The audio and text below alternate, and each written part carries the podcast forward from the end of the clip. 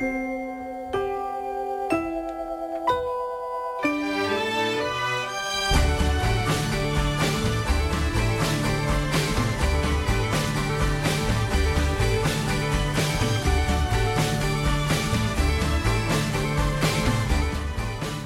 Nenas medrando é a proposta que nos trae Albacid no tempo de poesía do diario, un volumen o que a poesía fai pena, fotografía vernácula ou encontrada e que está publicado na colección Areal de Melide de Chanda Pólvora. Moi bons días, Alba. Hola, bo día.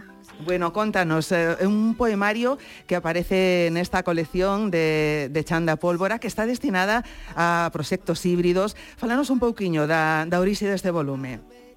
Sí, pois Silvia García, que é doutora e profesora en Belas Artes, contanos na nota final como, a partir de reservorios variados, como poden ser a internet ou mercados de vello, ela foi conformando un arquivo de fotografías anónimas de raparigas de distintos lugares e de distintos tempos, non?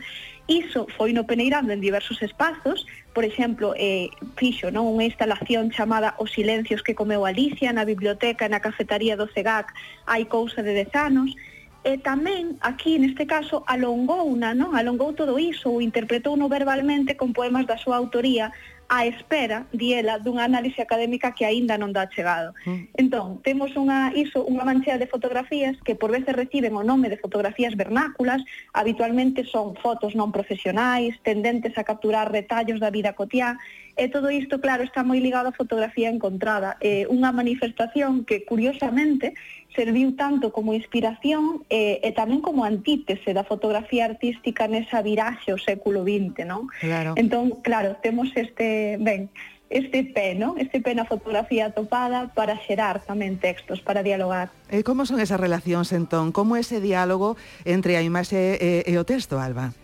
Pois os textos son mínimos, son depurados, as correspondencias son bastante claras entre imaxe e texto as máis das veces. Eu diría que o máis interesante é aquilo que emerxe tanto da parte visual como da textual.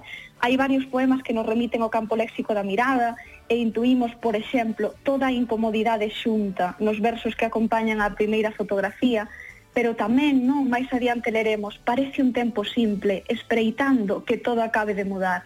Entón, ocúpase tamén a si mesmo dos procesos de maduración, de cambio de etapa, daquilo que se herda, non? Ou que, que as nenas herdan incluso nas poses, cando lemos a mirada e a boca agromaron como se lle emprestaran a cara da súa nai preocupada ou unha tensión moi interesante entre o esperar ou non esperar desde o poema que acompaña a segunda fotografía eh, na que lemos fuxir dun cuarto pequeno ser ousada esperar a vida como as cereixas ata un bastante posterior, no que a voz feminina se revela, digamos, ante a posibilidade de que falen con segredos do seu propio corpo, porque ela sabe, non, que dirán cousas, que virá o sangue, pero non espera.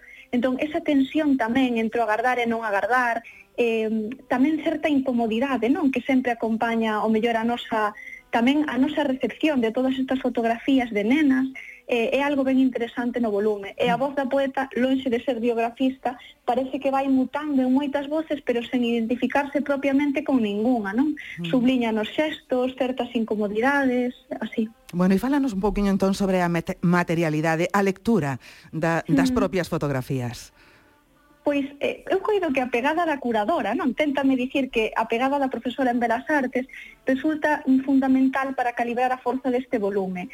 Eh, un fío visual, vai dicir Silvia García, que, que é o libro, non? Eu diría que a peneira de imaxes é moi significativa, que nos máis dos casos oponse frontalmente a esas ideas ao mellor de fragilidade ou de vulnerabilidade que normalmente identificamos con estas fotografías de rapazas e adolescentes, eh, moi ao contrario, permítenos chegar a fotografías familiares, fotografías de grupo, tamén retratos moi espontáneos, un corpo entre as ervas altas ou no xardín frontal dunha casa. Eh, por outra banda, como receptora, diría que resulta moi rica a propia materialidade das fotografías, non? Que non só as imaxes nos interpelan como portadoras de significados complexos, e aí están as miradas, as sombras, as poses, non? O fondo incluso, senón que tamén as engurras e marcas que estas fotografías presentan e que se reproducen non eh, neste libro devolvenos a ilusión ou, bueno, a certeza tamén, non? De estar ante retallos de vida, ante unha especie de fósiles que atravesaron o tempo. Un volume, desde logo, original, pero que nos lembra outras publicacións eh, semellantes, Alba.